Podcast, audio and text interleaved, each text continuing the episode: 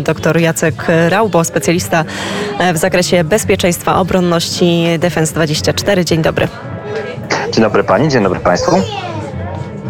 To zaczniemy może od e, kwestii mm, zagrożenia eskalacją, zagrożenia wojną atomową. Teraz oczy całego świata skierowane są na tą zaporowską elektrownię e, jądrową. Mówi się o tym, że istnieje ryzyko e, naruszenia norm radiacyjnych, a także przeciwpożarowych. Faktycznie po raz kolejny widzimy, że Rosjanie bardzo mocno rozgrywają rozgrywają tą kartę atomową, cały czas przeprowadzają ataki na miasto Energodar, no ale tak z perspektywy kilku miesięcy można powiedzieć, że Kreml E, szantażuje świat e, atomem i można też chyba zauważyć, że im mniej e, tych sukcesów na polu walki, w tej konwencjonalnej walce, tym bardziej nasilają się te groźby właśnie czy użycia nielegalnej broni, takiej jak bomby fosforowe, czy na przykład zagrożenia atomem. Co możemy wywnioskować z takich działań, z takiej strategii Władimira Putina?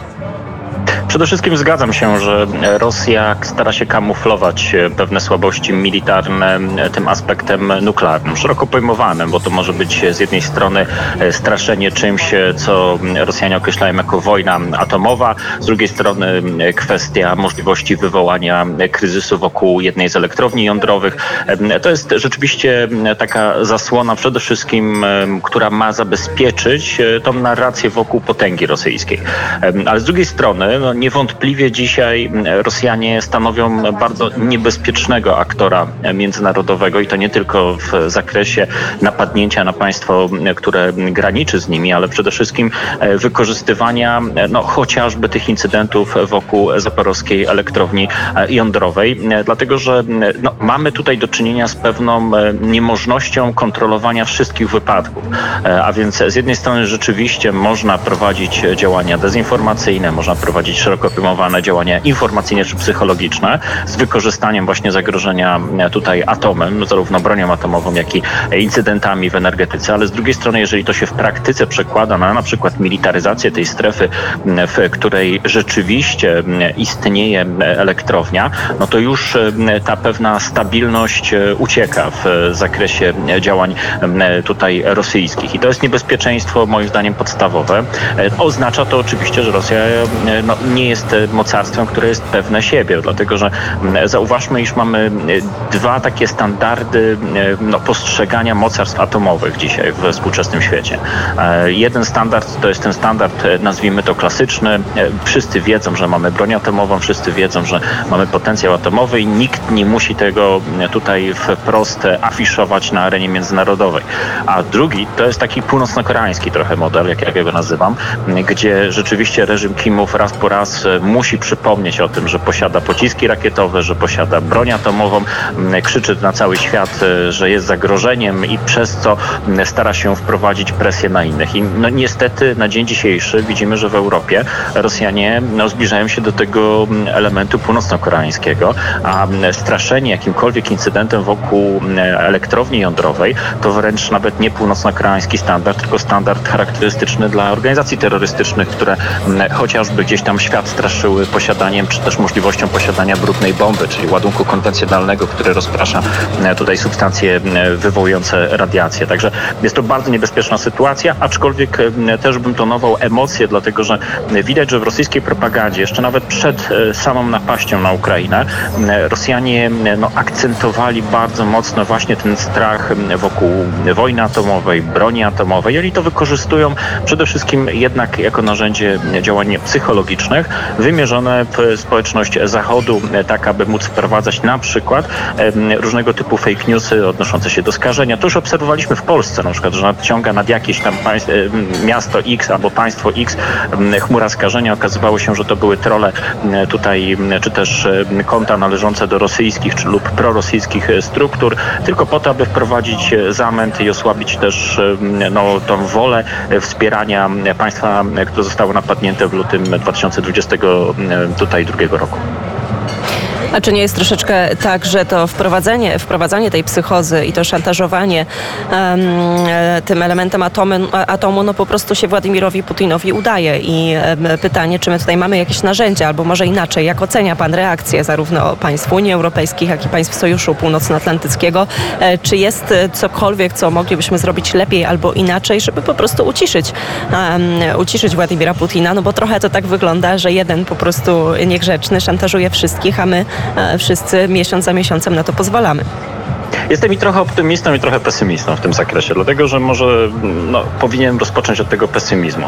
E, Rosjanie nie bazują na standardzie wypracowanym w kontekście obecnej wojny. Oni bazują na standardach używania karty atomowej, e, które miały miejsce jeszcze w okresie zimnej wojny. Związek Sowiecki bardzo często odnosił się do zagrożenia wojną atomową, e, zbrojeń atomowych w swojej propagandzie wymierzonej w kierunku właśnie społeczeństw Zachodu. No dążąc do tego, żeby po prostu Zachód się rozbroił z broni atomowej, a e, Związek Sowiecki nadal ją posiadał. Bardzo prosta e, i czytelna kwestia. E, do tego wykorzystywał naprawdę całe spektrum swoich narzędzi miękkich, od motywowania na przykład prosowieckich organizacji w Europie Zachodniej, które miały zwalczać na przykład Amerykanów i amerykańskie zbrojenia atomowe umowne, poprzez aktywizację na przykład struktur religijnych, światopoglądowych itd. Tak I Rosjanie dzisiaj również moim zdaniem aktywują w sensie takim bardzo praktycznym podobne narzędzia właśnie z okresu sowieckiego. I to niesie pesymizm, dlatego że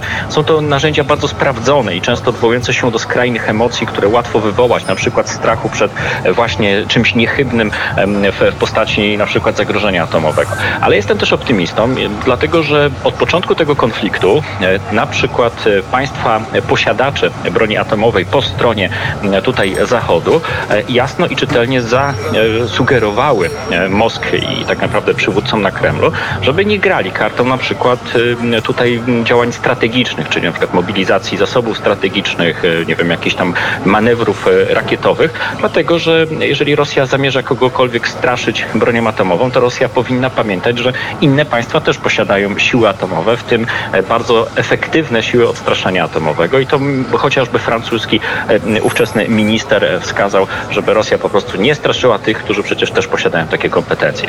E, jeszcze jednym elementem bardzo pozytywnym jest fakt, że my już przywykliśmy do rosyjskich działań, e, które są prowadzone wokół wywoływania różnego typu elementów psychologicznych, straszenia nas. E, I tutaj widać olbrzymią pracę po stronie natowskiej, unijnej, ale też poszczególnych państw, na przykład komunikacji strategicznej, czy też edukacji. Edukacja może odnosić się nie tylko do kwestii bezpieczeństwa, ale na przykład też do kwestii energetyki atomowej, tak aby szukać na przykład y, odpowiednich kanałów, które informują w oparciu o fakty. No, moim zdaniem y, ta edukacja chociażby o energetyce jądrowej, o y, kwestiach związanych z atomem, no, powoduje, że dzisiaj społeczeństwa są mniej podatne na właśnie tego typu formy szantażu ze strony tutaj rosyjskich aktywów albo prorosyjskich działań, które są podejmowane w inspiracji ze strony Kremla. Panie doktorze, część Radia Wnet jest e, obecnie w takiej podróży po krajach skandynawskich. Chyba dziś e, jeszcze e, to jest Finlandia. No ale właśnie spójrzmy, Szwecja, Finlandia, jak te państwa przygotowują się do no, do ewentualnej eskalacji, która mogłaby też, e, też rozdać się właśnie na, na część ich regionów, e, regionu, jak wygląda e, sytuacja wojskowa, przygotowanie strategiczne, jak moglibyśmy tak spróbować. Nie jest to oczywiście takie proste, ale spróbować ocenić, jak wygląda sytuacja właśnie w tych państwach.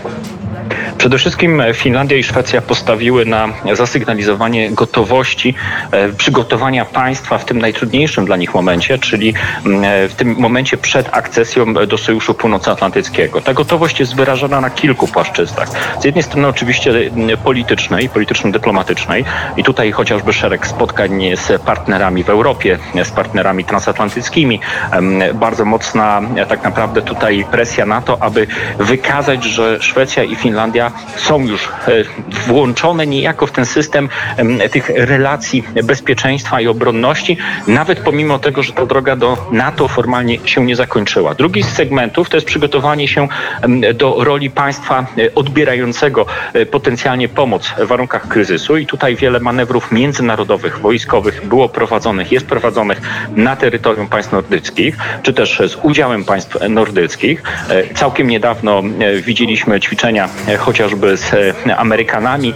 Teraz prowadzone są ćwiczenia w Finlandii, w Laponii z udziałem Szwedów, wojsk szwedzkich, czy też Brytyjczyków. Bardzo dużo tego typu inicjatyw jest podejmowanych. No i trzeci z segmentów to jest mobilizowanie i umiejętne sprawdzanie własnych zasobów obronnych. Przykładem jest Finlandia. Finlandia we wrześniu przeprowadzi szereg ćwiczeń na płaszczyźnie samorządowej, które obejmują obronę cywilną, obejmują mobilizację zasobów wojskowych, ale też na przykład współpracę z przemysłem czy też infrastrukturą krytyczną w obrębie domeny cyber. Także sygnalizowane jest, że te państwa są przygotowane na jakikolwiek kryzys czy też sytuację kryzysową i mają ku temu kompetencje własne, ale też kompetencje wynikające z kooperacji z państwami tutaj zachodnimi czy też państwami w regionie. Dlatego wydaje mi się, że zarówno w wymiarze państw nadbałtyckich, jak i państw nordyckich sytuacja w zakresie bezpieczeństwa o wiele bardziej poprawia się niż jest to nam prezentowane na dzień dzisiejszy, właśnie dzięki temu, że między innymi chociażby państwa takie jak Francja, państwa również e, znajdujące się w ogóle w całym NATO, e, widzą coraz mocniejszą potrzebę funkcjonowania we współpracy właśnie z, czy to tutaj z flanką wschodnią, czy też na przykład z państwami, które pozostawały neutralne, a teraz zdecydowały się na włączenie do Sojuszu Północnoatlantyckiego. Bardzo serdecznie dziękujemy za komentarz. To jeszcze jedno pytanie e, na zakończenie. Czy był Pan kiedyś w Wilnie? E, byłem w, na, tutaj w Łotwie, e, aczkolwiek jeszcze nie miałem okazji być tutaj w Wilnie. To w takim razie przesyłamy pozdrowienia doktor Jacek Widziałem, że pani redaktor na Łotwie była. E, tak, ja byłam e, i na Łotwie, i w Estonii. E, dojechałam aż właśnie do Narwy, a już wczoraj wróciliśmy. Jedną noc spędziliśmy w Rydze, dzisiaj Wilno i za moment już wracamy do Warszawy. Bardzo piękny region i chyba jedną... trzeba polecić wszystkim Polakom. Tak, tak, bardzo polecam. No takie wyjątkowe, wyjątkowe miejsce dla Polaków. Tutaj jest taka wielka um, mieszanka, bo na ulicy tak naprawdę wszędzie słychać e, oczywiście język litewski, ale też język polski, rosyjski i no i w ostatnim czasie dużo ukraińskiego, ale to, to, to, to gdzieś oczywiście jest e, chyba we wszystkich teraz um, stolicach europejskich, więc... E, to świetnie no, pokazuje naszą wspólnotę bezpieczeństwa. A tak, tak, to też można w ten sposób na to spojrzeć. Bardzo ciekawie. Bardzo serdecznie dziękuję. Doktor Jacek Raupo, ekspert do spraw e, bezpieczeństwa, e, był gościem Radia Wnet, a my na naszym zegarze w Warszawie mamy godzinę 12.25, ja mam tutaj u siebie 13.25. Drodzy Państwo, w takim razie, e, skoro już mówiliśmy o, tej, o tej Finlandii w kontekście strategicznym, w kontekście bezpieczeństwa,